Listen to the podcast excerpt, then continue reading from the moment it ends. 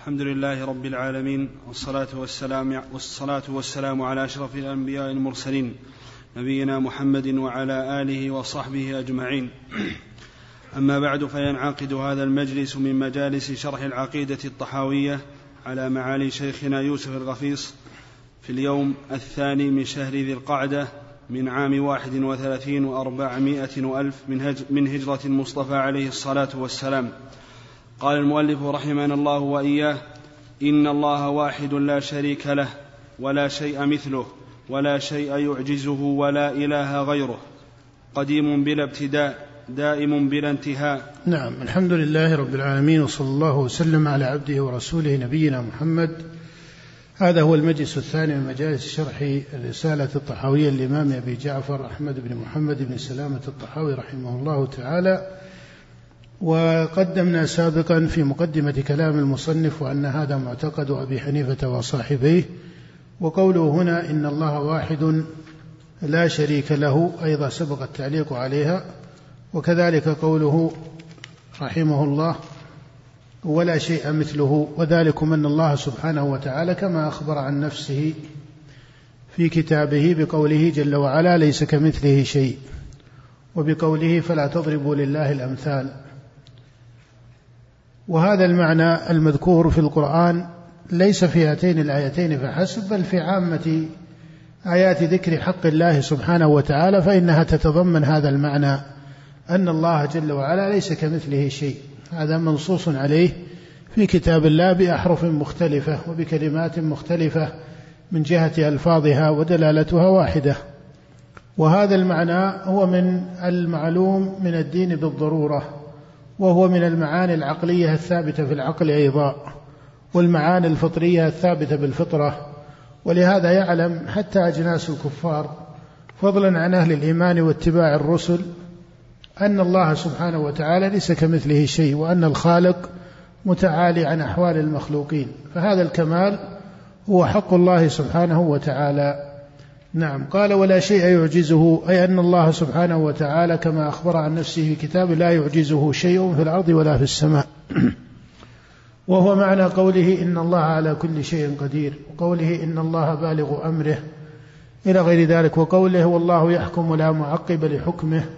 وقوله لله الأمر من قبل ومن بعد. إلى غير ذلك من هذه المعاني التي تبين كمال قدرته سبحانه وتعالى. فله القدرة المطلقة والمشيئة الشاملة سبحانه وتعالى. نعم. قال ولا إله غيره أي أنه لا يعبد إلا هو فهو المعبود وحده سبحانه وتعالى. وهذا التوحيد وهو ما سماه كثير من أهل العلم بتوحيد الإرادة والطلب وبتوحيد العبادة وبتوحيد الإلهية ونحو هذه التسميات التي هي اصطلاح صحيح. وهذا التوحيد هو الذي دعت إليه الرسل عليهم الصلاة والسلام وهو مبتدأ دعوتهم وهو مبتدأ دعوتهم. وهذا التوحيد يعني توحيد العبادة وأن الله سبحانه وتعالى لا إله غيره وهو الواجب الذي تجب له العبادة وحده دون سواه هو من تجب له العبادة وحده دون سواه. هذا التوحيد الذي دعت إليه الرسل كما تراه في كتاب الله. ودعوة الأمم ودعوة الرسل لقومهم ولأممهم لقولهم اعبدوا الله. فهذه العبادة التي شرعها القرآن وشرعتها الرسل عليهم الصلاة والسلام هو الأصل الأعظم الذي بعث به جميع الرسل. وهذا التوحيد يتضمن حق الله سبحانه وتعالى في ملكوته وربوبيته. ولهذا إذا قيل في كلام أهل العلم إن هذا التوحيد يعنون توحيد العبادة هو الأصل الذي دعت إليه الرسل فليس معنى هذا الإسقاط لما سموه توحيد الخبر أو التوحيد الخبري أو التوحيد في ربوبية الله سبحانه وتعالى. ليس أن هذا ما دعت إليه الرسل أو ما أمرت به الرسل بل هذا مادة واحدة توحيد جملة واحدة وهي معرفة الله وعبادته. ولهذا لا يكون معبودا سبحانه وتعالى بحق إلا في حق من عرفه سبحانه وتعالى. فمن عبد الله وهو لا يقيم حقه في ملكوته وفي ربوبيته سبحانه فإنه ما عبده العبادة الصحيحة. بل لا بد من معرفة حقه سبحانه وتعالى في ربوبيته وفي إلهيته. لكن لما كان توحيد الربوبية قائما في نفوس المخاطبين من أجناس المشركين في الجملة وليس على التحقيق الكامل كما سبق الإشارة إليه لأن عندهم خرقا وقطعا لهذا المقام عن تمامه وكماله الواجب. لما كان الشرك بينا في عبادتهم من عبادة الأصنام صار الذي يجي في كلام الرسل هو الأمر بهذا المقام وهو يتضمن يعني مقام توحيد العبادة يتضمن كمال التحقيق لتوحيد الربوبية. فهو إن قيل إن توحيد الربوبية أصله يقر به المشركون وهذا ثابت في القرآن ولئن سألتهم من خلقهم من خلق السماوات والأرض أم خلقوا من غير شيء أم هم الخالقون؟ هذا الخطاب الذي خوطب خوطبوا به وإلزامهم لما أقروا بأصل الربوبية أن يقروا بالألوهية. هذه هي طريقة القرآن كما تعرف لكن ليس معنى هذا أنهم محققون تماما لتوحيد الربوبية. بل هذا لا يتصور لأن التوحيد في حقيقته واحد. ما بينه انقسام إلا في الاصطلاح وإلا هو في حقيقته الشرعية معنى واحد. من حقق الربوبية تحقيقا كاملا استجاب للإلهية.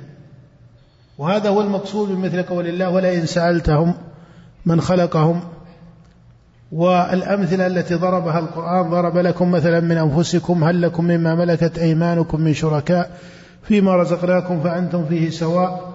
هذا هو المعنى أي أن تحقيق الربوبية الذي جئتم بأصله يوجب تحقيقه ماذا؟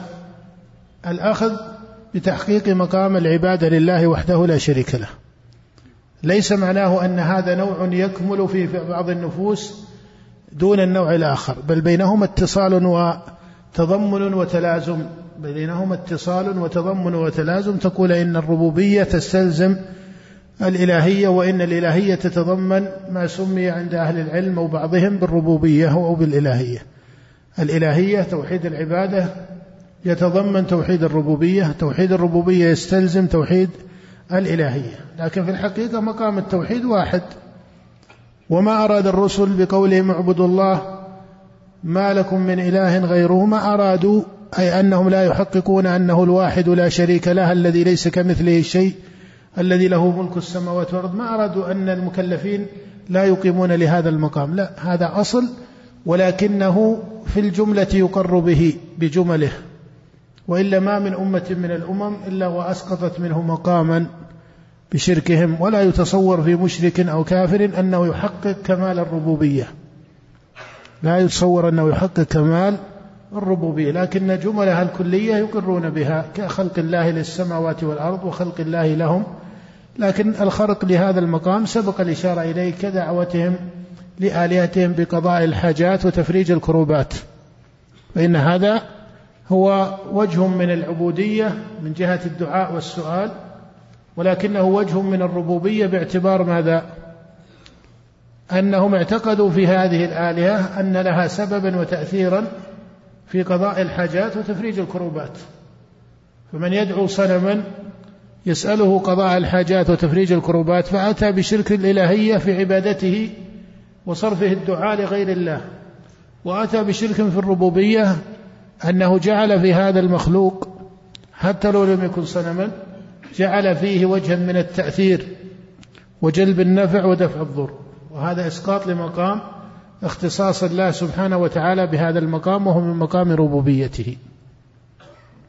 وهذا التوحيد توحيد العبادة عني السلف رحمهم الله بتقريره لأنه هو الذي يقع فيه الشرك كثيرا. ومن هنا عنوا ببيانه وبيان حقه وهو معنى شهادة أن لا إله إلا الله التي هي أصل دين الإسلام. ومبناه ومن هنا أجمع العلماء على أن من شهد أن لا إله إلا الله وأن محمد رسول الله فإنه يكون مسلما له ما للمسلمين وعليه ما عليهم. وتجرى عليه أحكام الإسلام حتى ولو ظهر منه بعض النفاق. ما دام أنه يظهر الشهادتين فإنها تجرى عليه أحكام الإسلام الظاهرة. ومن هنا أجرى النبي صلى الله عليه وسلم أحكام الإسلام على المنافقين كما نعلم. وحكى الإمام ابن تيمية رحمه الله اتفاق العلماء على أن أحكام الإسلام الظاهرة تجرى على المنافقين. على أن أحكام الإسلام الظاهرة تجرى على المنافقين وإن كانوا في حقيقة أمرهم ليسوا مؤمنين بالله ولكن هذا فيما بينهم وبين الله. وقد يظهر من نفاقهم ما يظهر وقد لا يظهر بعضه. ولهذا قال الله تعالى وممن حولكم من الأعراب منافقون ومن أهل المدينة مردوا على النفاق لا تعلمهم وهذا يعلم به أن المنافقين ليس من تكليف المؤمنين أنهم يتتبعون العلم بهم إلا إذا كان هذا على سبيل دفع شر على سبيل دفع الشر العام فهذا وجه لكن على سبيل التشقيق عما في القلوب فهذا ليس بالمشروع ولا يجوز التكلف فيه ولا بحثه ولا سيما أن الإنسان قد يضل فيه فربما رمى شخصا بالنفاق وهو مؤمن. ولهذا بعض الصحابة على جلالتهم وعلمهم وعدلهم لما دخل النبي صلى الله عليه وسلم يصلي في بيت بعض أصحابه في حديث عثمان بن مالك كما في الصحيحين لما أمر أن طلب من رسول الله أن يصلي في بيته قال لما أصابه في بصره بعض الشيء فأتى إلى النبي وسأله أن يصلي في مكان في بيته فجاء النبي وصلى في بيت عتبان. والحديث متفق عليه كما أشرت. فالنبي في صلاته فوقعوا في مالك ابن الدخشم وقعوا في رجل يذمونه وما يرونه إلا منافقا. أي أن رجالا ممن كان في المجلس طعنوا في شأن هذا الرجل ورموه بالنفاق وقالوا إنه يقول كذا وكذا وذموه بوجه من النفاق. فلما انصرف النبي من صلاته قال أليس يشهد أن لا إله إلا الله وأني رسول الله؟ فقال الصحابة أو من قال ذلك منهم؟ قالوا يا رسول الله إنه يقول ذلك وما هو في قلبه. يعني لا يقوله إيمانا بل نفاقا. قال لا يشهد أحد أن لا إله إلا الله وأني رسول الله فيدخل النار أو تطعمه. المقصود أن هذا فيما يتعلق بالمآل هذا حكمه إلى الله. وأما في دار الدنيا فتجرى عليه أحكام الإسلام. ولهذا المسلم هو من شهد أن لا إله إلا الله وأن محمد رسول الله فهو مسلم تجرى عليه أحكام الإسلام. نعم. قال رحمه الله تعالى قديم بلا ابتداء دائم بلا انتهاء. نعم قال قديم بلا ابتداء دائم بلا انتهاء. هذه الجملة مما عبر بها أو عبر به أبو جعفر الطحاوي في رسالته ولم يكن ذلك التعبير الفاضل. وذلكم أن استعمال هذا الاصطلاح هو من اصطلاحات المتكلمين في الأصل. فإن قيل فهل الخبر عن الله سبحانه وتعالى يلزم أن يكون بألفاظ القرآن وكلمات القرآن والسنة؟ قيل الأصل هذا الأصل أنه يخبر عن الله سبحانه بما أخبر به عن نفسه في كتابه وبما أخبرت به الرسل عليهم الصلاة والسلام فيما أوحى الله إليهم. ولا يتجاوز القرآن والحديث هذا الأصل. ولكن ما كان من لفظ الخبر مطابقا لما أخبر الله به عن نفسه حسب لسان العرب ويقال خبرا لا من باب الأسماء فإن الأسماء توقيفية له جل وعلا. فهذا الوجه من الخبر إذا ما استعمل على مطابق لما وقع الخبر به حسب لسان العرب كان هذا صحيحا. كان هذا صحيحا. ولهذا في مفصل الأفعال التي هي حق لله سبحانه وتعالى يقع ذلك وإن لم يقع مطابقا. وإن لم يقع مطابقا من حيث اللفظ لكنه مطابق من حيث المعنى. أما ما كان من أسماء الله جل وعلا أو من صفاته فإن هذا موقوف على القرآن والحديث. كما قال الإمام أحمد نصف الله بما وصف به نفسه وبما وصفه به رسوله لا يتجاوز القرآن والحديث. ففي باب أسماء الله وصفاته يوقف على ما وصف الله به نفسه ووصفه به رسوله. كذلكم الخبر هو كذلك. لكن لو عبر معبر بمطابق من كلام العرب خبرا عن الله فهذا يقع فيه سعة على هذا الوجه. كأن يقول قائل مثلا إن الله سبحانه وتعالى هو الذي قضى وقدر هذا الحدث الذي صار في هذه الأرض أو في هذا البلد أو في هذا المكان أو لهذا الشخص إلى آخره. فهذا حقيقته إخبار عن أفعال الله. وهذا يقع على مقتضى المطابق من الألفاظ الصحيحة العربية التي تكون مطابق لما وصف الله به نفسه وأخبر به عن نفسه في كتابه. قول أبي جعفر قديم قديم هذا اصطلاح استعمله المتكلمون ولم يستعمله السلف في حق الله. وأشهر من استعمله من مدارس المتكلمين مدرسة المعتزلة. والسبب في ذلك أن القدم أخص وصف لله عند المعتزلة أخص أوصاف الله عند المعتزلة هو القدم. أخص أوصاف الله عند المعتزلة هو القدم. وعن دليل القدم فرعوا مسألة القول في صفات الله سبحانه وتعالى وما سموه في أصولهم بالتوحيد. هو صحيح أن الله سبحانه وتعالى ليس قبله شيء. لكن المستعمل في كتاب الله هو الذي جاء به القرآن بعبارة صح؟ الذي جاء في القرآن أنه سبحانه الأول أنه سبحانه الأول. قال الله تعالى هو الأول والآخر والظاهر والباطن وهو بكل شيء عليم. الأول ما معناه دعا النبي صلى الله عليه وسلم كما في الصحيح وكأنه عليه الصلاة والسلام يبين تمام هذا المعنى لأصحابه فقال اللهم أنت الأول فليس قبلك شيء. إذا الأول الذي ليس قبله شيء. قال والآخر الذي ليس بعدك شيء. اللهم أنت الأول فليس قبلك شيء وأنت الآخر فليس بعدك شيء. وأنت الظاهر فليس فوقك شيء. لأن الله سبحانه وتعالى هو العلي الأعلى. كما أخبر عن نفسه بقول سبح اسم ربك الأعلى قوله وهو القاهر فوق عباده قوله يخافون ربهم من فوقهم إلى غير ذلك. قال وأنت الباطن فليس دونك شيء. ما معنى الباطن؟ الذي ليس دونه شيء. الأولى الثلاثة بينة. الثالث قال وأنت الباطن فليس دونك شيء أي لا يخفى عليك شيء في الأرض ولا في السماء. فله الكمال سبحانه وتعالى الأول الذي قبله شيء ليس قبله شيء والآخر الذي ليس بعده شيء والظاهر الذي ليس فوقه شيء والباطن الذي ليس دونه شيء لا يخفى عليه شيء في الأرض ولا في السماء. فالله هو الأول. فلو قال المصنف رحمه الله لو قال أبو جعفر رحمه الله بدل قوله قديم بلا ابتداء دائم بلا انتهاء لو قال الأول الذي ليس قبله شيء الآخر الذي ليس بعده شيء لو قال هذا لكان أصح لأنه مطابق لكلمات القرآن والسنة. من وجه ومن وجه آخر لأن لفظ القديم هو استعمال للمتكلمين. زمن الخلاف بين هؤلاء مع سلف الأئمة أو أئمة السلف. وبعض أهل العلم يشير إلى وجه ثالث في ترك هذا الاصطلاح. قالوا لأن القديم في لسان العرب لا يطابق الأول الذي ليس قبله شيء. ولكن هذا قد يجاب عنه بأنه من المعاني الإضافية حتى الأول إذا كان في حق غير الله سبحانه وتعالى ما كان على هذه الرتبة.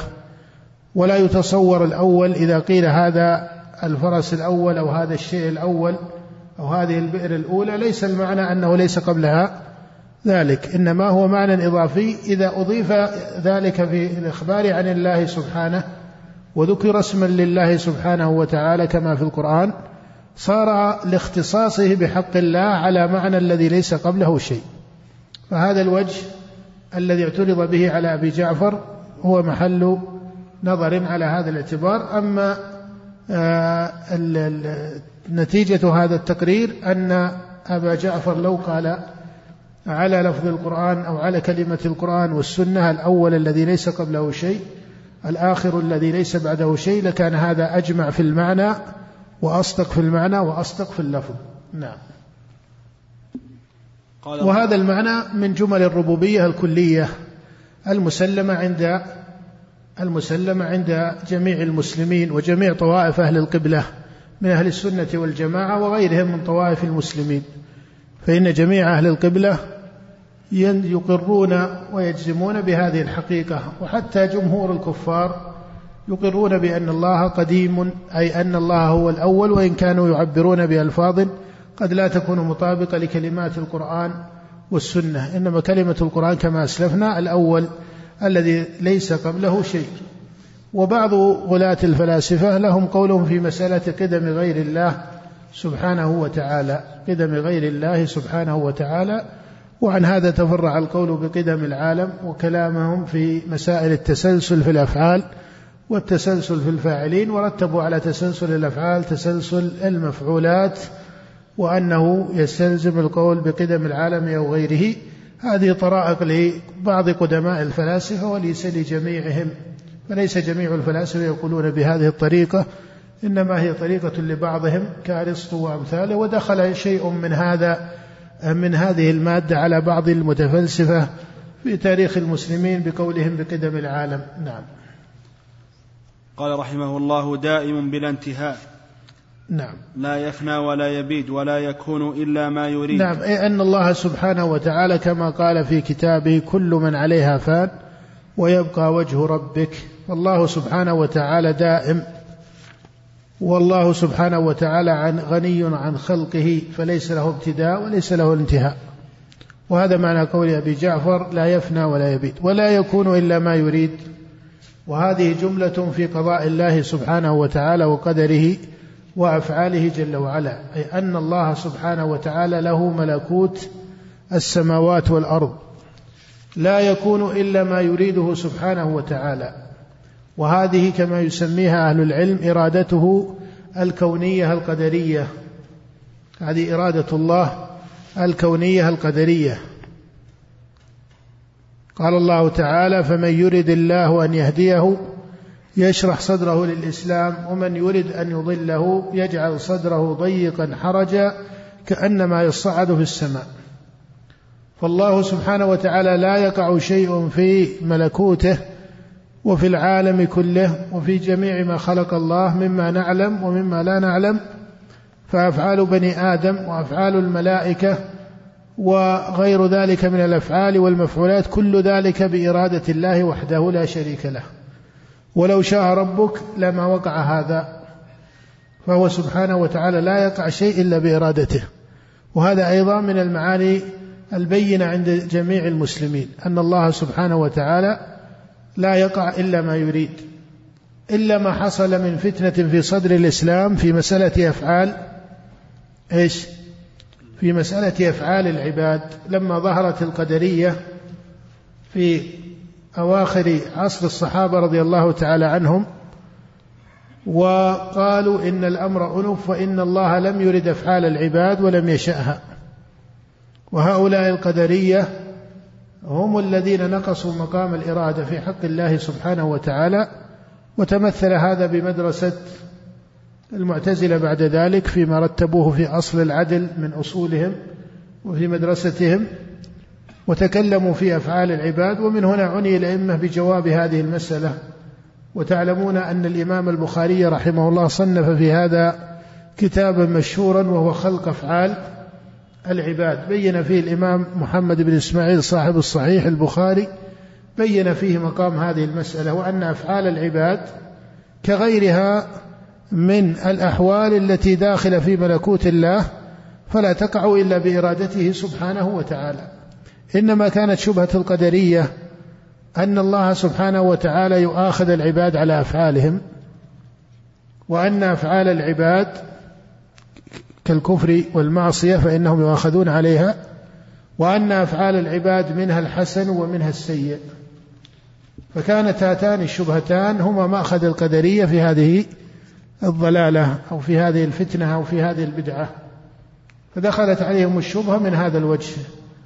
وهذا ليس حكيما لا من جهة العقل ولا من جهة الشرع. فإن الله سبحانه وتعالى يؤاخذ من عصى ومن كفر به ويجازيه ويغفر سبحانه وتعالى ما دون الشرك لمن يشاء كما هو معروف. فهذه المؤاخذة منه سبحانه وتعالى في حق من كفر به أو عصاه سبحانه وتعالى بكبير من الإثم. هذه المؤاخذة لا تنافي كونه سبحانه وتعالى وقع هذا الفعل بقضائه وقدره. بمعنى أن هذا العبد وإن كان له إرادة يفعل بها وهذه مسألة معلومة في الشرع والعقل والحس ودليلها حتى لغير المسلمين الحس فإن الإنسان يفرق بين فعله الاختياري وبين فعله الاضطراري أليس كذلك؟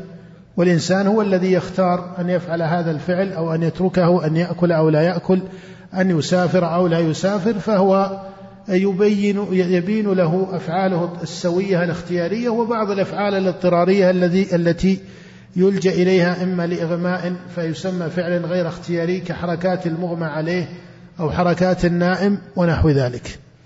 فهذا الإرادة من العباد لا تنافي كونه سبحانه وتعالى مريدا باعتباره قادرا على كل شيء وباعتباره لا يقع شيء إلا بأمره وباعتبار أن هذا العبد هو من عباد الله ومن من خلق الله سبحانه وتعالى لا يستقل عن الله ولا يختص عن الله سبحانه وتعالى بهذا الاستقلال.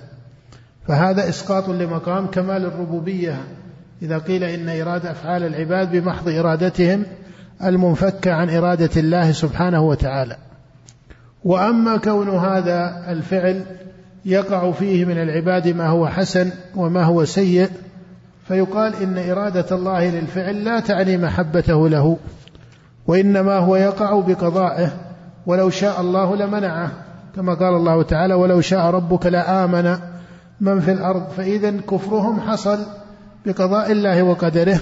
ليسوا مجبورين على هذا الكفر وإنما الله جل وعلا خلق الإنسان وجعله على صفة من القدرة وعلى صفة من الاستطاعة وعلى صفة من الإرادة. منكم من يريد الدنيا ومنكم من يريد الآخرة. فللعباد إرادة.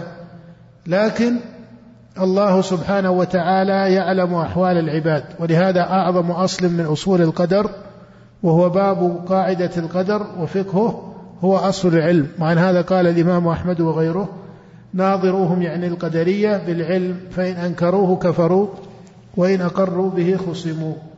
يعني من ينفي ذلك إرادة الله يقال له الله يعلم أو لا يعلم ذلك.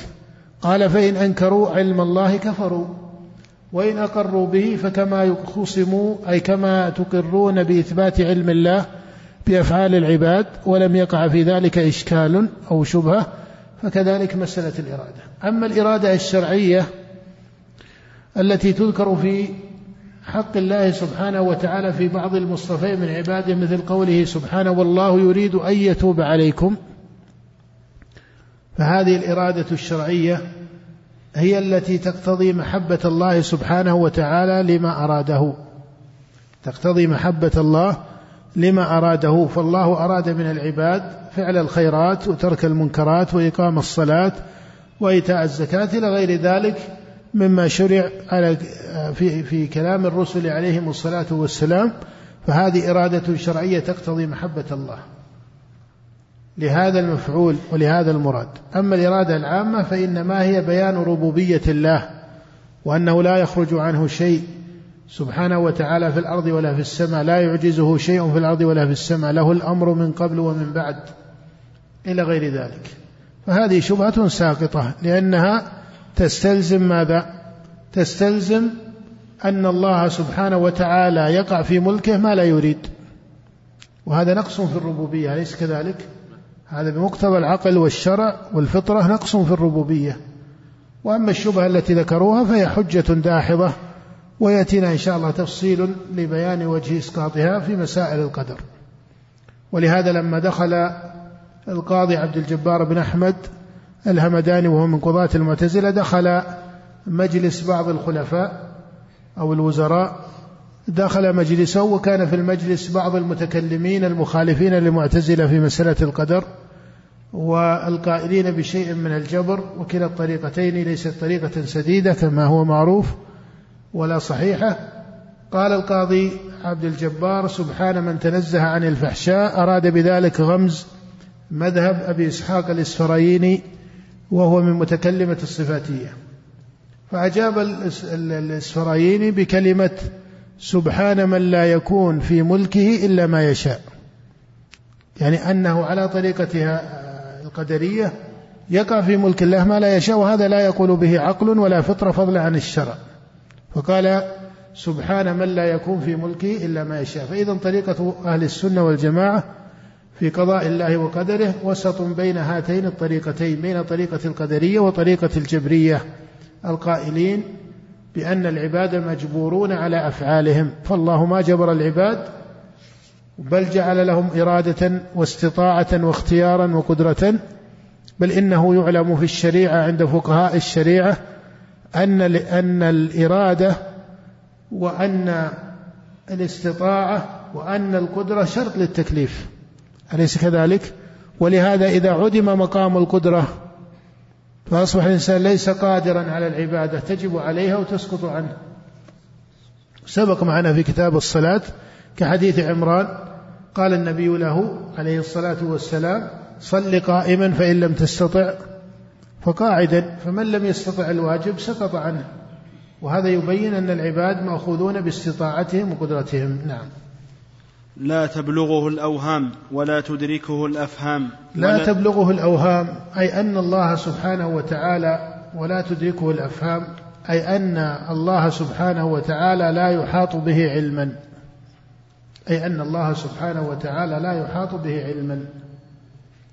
بل لا يحاط بعلمه سبحانه وتعالى إلا ما شاء سبحانه وتعالى من العلم الذي أوحى إلى الرسل. قال الله تعالى في أعظم آية من كتابه وهي آية الكرسي ولا يحيطون بشيء من علمه إلا بما شاء. ولاحظوا السياق في هذه الآية التي قال النبي صلى الله عليه وسلم فيها أعظم آية في كتاب الله. قال ولا يحيطون نفي لإحاطتهم ما قال بعلمه إلا بما شاء. لأن المقام هنا مقام تقليل. لما يعرفه الخلق من علم الله حتى ما علمه سبحانه وتعالى لخاصة عباده. تجد السياق لم يقع على قوله ولا يحيطون بعلمه إلا بما شاء. وإنما قال ولا يحيطون بشيء هذا تقليل في المقام وإطلاق في المقام. وتعرف أنه إذا كان على هذه الصفة يكون مطلقا والمطلق يقع على أدنى الشيء ولهذا تقول الإيمان المطلق ومطلق الإيمان فهذا الشيء الذي هو مطلق ويقع اسمه على القليل قيد بعد ذلك بالمشيئة. فجاء قوله ولا يحيطون بشيء وهذا يقتضي أنه لا يتصور ابتداء الإحاطة بالعلم المطلق. وإنما حتى هذا الشيء المقيد فإنه مقيد أي المقيد قدرا فإنه مقيد صفة بمشيئة الله سبحانه وتعالى. قال ولا يحيطون بشيء من علمه إلا بما شاء.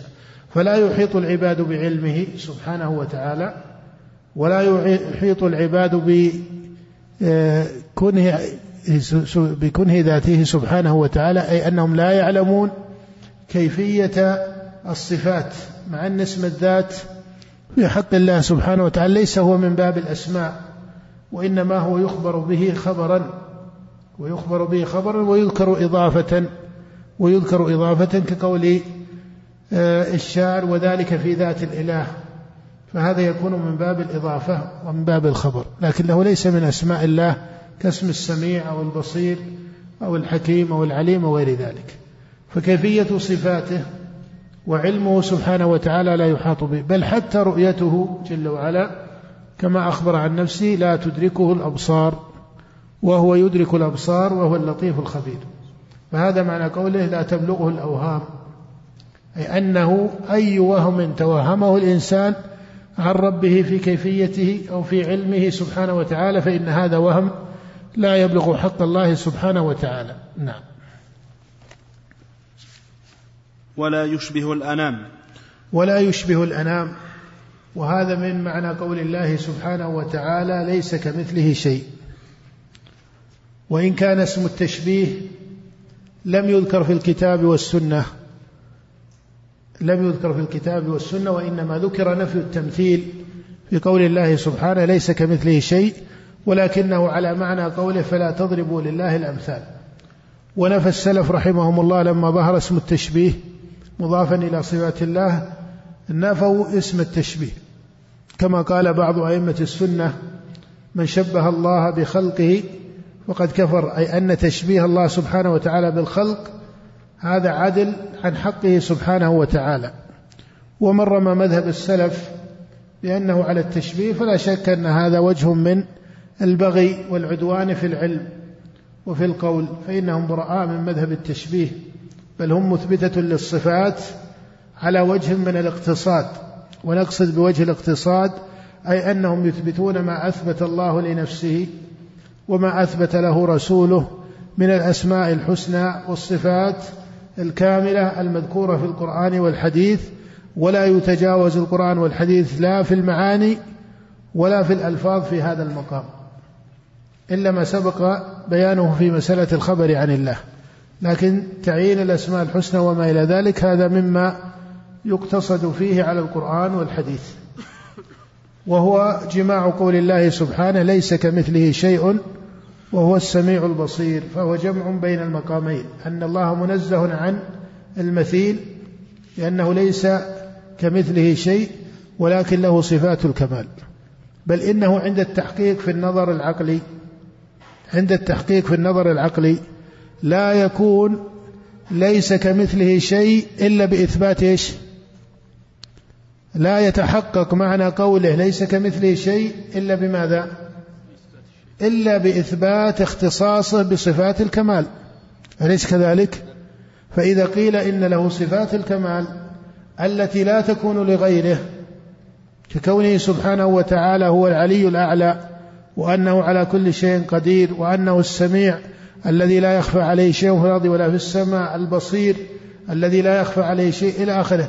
هذه الصفات على هذا الوجه من الاختصاص التي لا يشارك فيها المخلوق فإنما للمخلوق من صفة السمع أو بصر أو نحوه كما تعرف ناقصة قاصرة بل ليس ثمة وجه مقارنة أو نسبة بين هذا وهذا.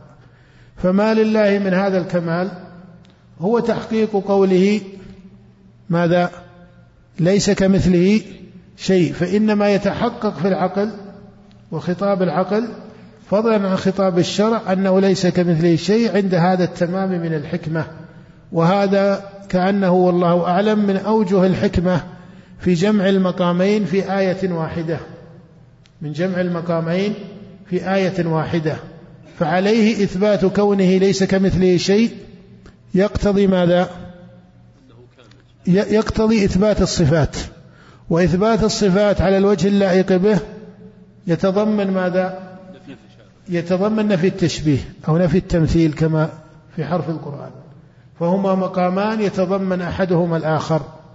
هما مقامان يتضمن أحدهما الآخر. نعم. حي لا يموت قيوم لا ينام. نعم حي لا يموت أي أن الله سبحانه وتعالى له البقاء المطلق. وهذا من أسمائه سبحانه وتعالى أنه الحي كما سمى نفسه في كتابه. وقال الله تعالى الله لا إله إلا هو الحي القيوم. وتجد أن ذكر الأسماء في القرآن يقع على وجه من الحكمة الشرعية والتنبيه والإشارة إلى معنى من تمام هذه المعاني فيكون تنبيها للمكلفين باتصال هذه المعاني اللائقة بالله سبحانه وتعالى. قال الله لا إله إلا هو الحي القيوم أي أن حياته سبحانه وتعالى على وجه من الكمال لا يكون لغيره فهو قيوم السماوات والأرض. وهذا من معنى قوله سبحانه وتعالى كل يوم هو في شأن. وهو قيوم السماوات والأرض. ليس ذكر الحياة المفكة عن الفعل. ليس ذكر للحياة المفكة عن الفعل والحكمة وإنما هو الحي القيوم. فهذا اتصال بتمام المعنى من جنس قوله هو الأول والآخر والظاهر والباطن فهذا يكون من بيان توصيف المعنى في عقول المكلفين. نعم. خالق بلا حاجة رازق بلا مؤنة. خالق بلا حاجة أي أنه الخالق لكل شيء. كما قال الله تعالى الله خالق كل شيء فهو الخالق لكل شيء وهو الذي خلق السماوات والأرض والبشر والجن وما نعلم وما لا نعلم وهذه المقدمة من الربوبية يقر بها أجناس الكفار في الجملة. إلا ما وقع في شذوذ في بعض المسائل إما عند الكفار أو دخل ذلك على بعض أتباع الأنبياء ممن ضل ببدعة عرضت له. كقول من قال من أهل القبلة بأن الله لم يخلق أفعال العباد لم يخلق أفعال العباد. فهذا وجه من الضلالة والفتنة التي حدثت لكن هذا لا يعني أنهم كفروا بمسألة خلق الله سبحانه وتعالى. ومن هنا قال الإمام ابن تيمية رحمه الله إن السلف لم يتنازعوا ولم يترددوا في عدم تكفير القدرية من هذا الوجه. في من قال بمثل هذه المقولة مسألة خلق الأفعال فحسب. أما غلاة القدرية هذا باب آخر. فإذا هؤلاء مقيمون على الأصل في الجملة لكن عرضت لهم مسألة الخلق للأفعال ولهم فيها شبهة من جنس الشبهة التي سبقت في مسألة إرادة أفعال العباد في مسألة إرادة أفعال العباد. فالله سبحانه وتعالى خالق بلا حاجة أي أنه خلق السماوات والأرض وخلق العالم وخلق الكون وخلق هذا الملكوت من مفعولاته سبحانه وتعالى بلا حاجة إلى شيء من ذلك. فهو الغني سبحانه وتعالى عن سائر ما خلق وسائر من خلق. قال رازق بلا مؤونة أي أن الله هو الرزاق وعنده خزائن السماوات والأرض وما يصيب المسلم وغير المسلم فهو رزق الله. وهذا هو الصحيح الذي عليه جماهير أهل القبلة من أهل السنة والجماعة وغيرهم من متكلمة أهل الإثبات كأصحاب أبي الحسن الأشعري وأمثاله. جماهير طوائف أهل القبلة على أن ما يصيب المسلم أو الكافر هو رزق. من الله يضاف رزقا إلى الله لأنه هو الرزاق وحده وهو الذي يقضي الأرزاق ويقسمها بين الناس مسلمين أو غير مسلمين. وشذ بعض المتكلمين مولاة المتكلمين وقالوا إن رزقه لا يضاف لغير المسلم. وهذا فيه إسقاط هذا فيه إسقاط لأن هذا ليس على سبيل الأمور التي هي من موارد ثواب الله في الآخرة. بل من مقام عدل الرب جل وعلا من مقام عدل الرب جل وعلا أنه سبحانه وتعالى لا يظلم الكافر فيما عمله في الدنيا من الخير بل يجازيه به في دار الدنيا. وإنما الذي قطعوا عن رحمة الله هو فيما يتعلق بمقام الآخرة. قطعوا عن الكفار الذين كذبوا الرسل وكفروا بكتب الأنبياء وما إلى ذلك من أجناس الكفار هؤلاء قطعوا عن رحمة الله في الآخرة. وأما ما يصيبهم من عدل الله في الدنيا فهذا مقام ثابت وشاهد في الشاهد فإنه بين في الشاهد لمن شاهده. ولهذا قال النبي صلى الله عليه وآله وسلم كما ثبت في الصحيح من حديث أنس إن الله لا يظلم مؤمنا حسنة. إن الله لا يظلم مؤمنا حسنة. يعطى بها في الدنيا ويجزى بها في الآخرة. وأما الكافر فيطعم بحسنات ما عمل بها لله في الدنيا حتى إذا أفضى إلى الآخرة لم تكن له حسنة يجزى بها. يراد بالحسنة في حق المؤمن إيش؟ إن الله لا يظلم مؤمنا حسنة ما الحسنة هنا؟ الخير الخالص لوجه الله. هذه هي حسنة المؤمن. الخير عمل الخير كإماطة الأذى عن الطريق على سبيل التقرب إلى الله وكإسقاء الماء مثلا على سبيل التقرب إلى الله. فحسنة المؤمن لأن المؤمن بإيمانه يفعل ذلك ابتغاء وجه الله. أليس كذلك؟ فالله سبحانه وتعالى يعطيه في الدنيا ويجزيه في الآخرة. وأما الكافر فلأن الفعل من حيث هو إذا الكافر مثلا أماط أذى عن الطريق أو سقى المحتاج إلى الماء أو ما إلى ذلك أو أنقذ غريقا أو ما إلى ذلك هذا الفعل من حيث هو حسن أو قبيح. هذه حسنة من حيث هي فعل حسن هذا باتفاق بني آدم لا أحد يجادل في ذلك.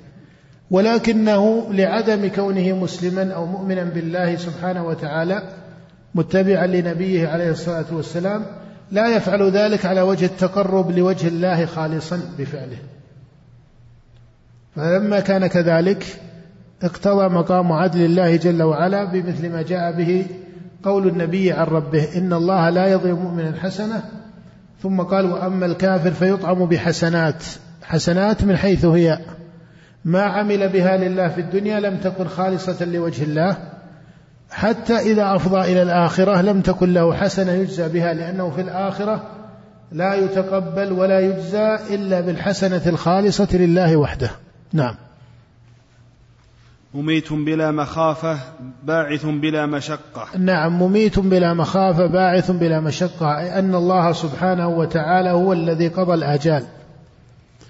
وقدر الموت على الناس وخلق الموت والحياة. ولهذا الموت مخلوق خلقه الله سبحانه وتعالى وهو أمر وجودي خلافا لبعض الفلاسفة الذين قالوا هو عدمي محض وليس له حقيقة من جهة الوجود. وذكر الإمام ابن تيمية رحمه الله أن الذي عليه أهل السنة وسواد أهل القبلة هو هذا خلافا للفلاسفة. أو لطائفة منهم وهذا مما يستدل به قوله سبحانه وتعالى تبارك الذي بيده الملك وهو على كل شيء قدير الذي إيش؟ الذي خلق الموت والحياة فالله سبحانه وتعالى خلق الموت والحياة وهو الذي قضى بالموت على أجل سبق به قضاؤه وقدره.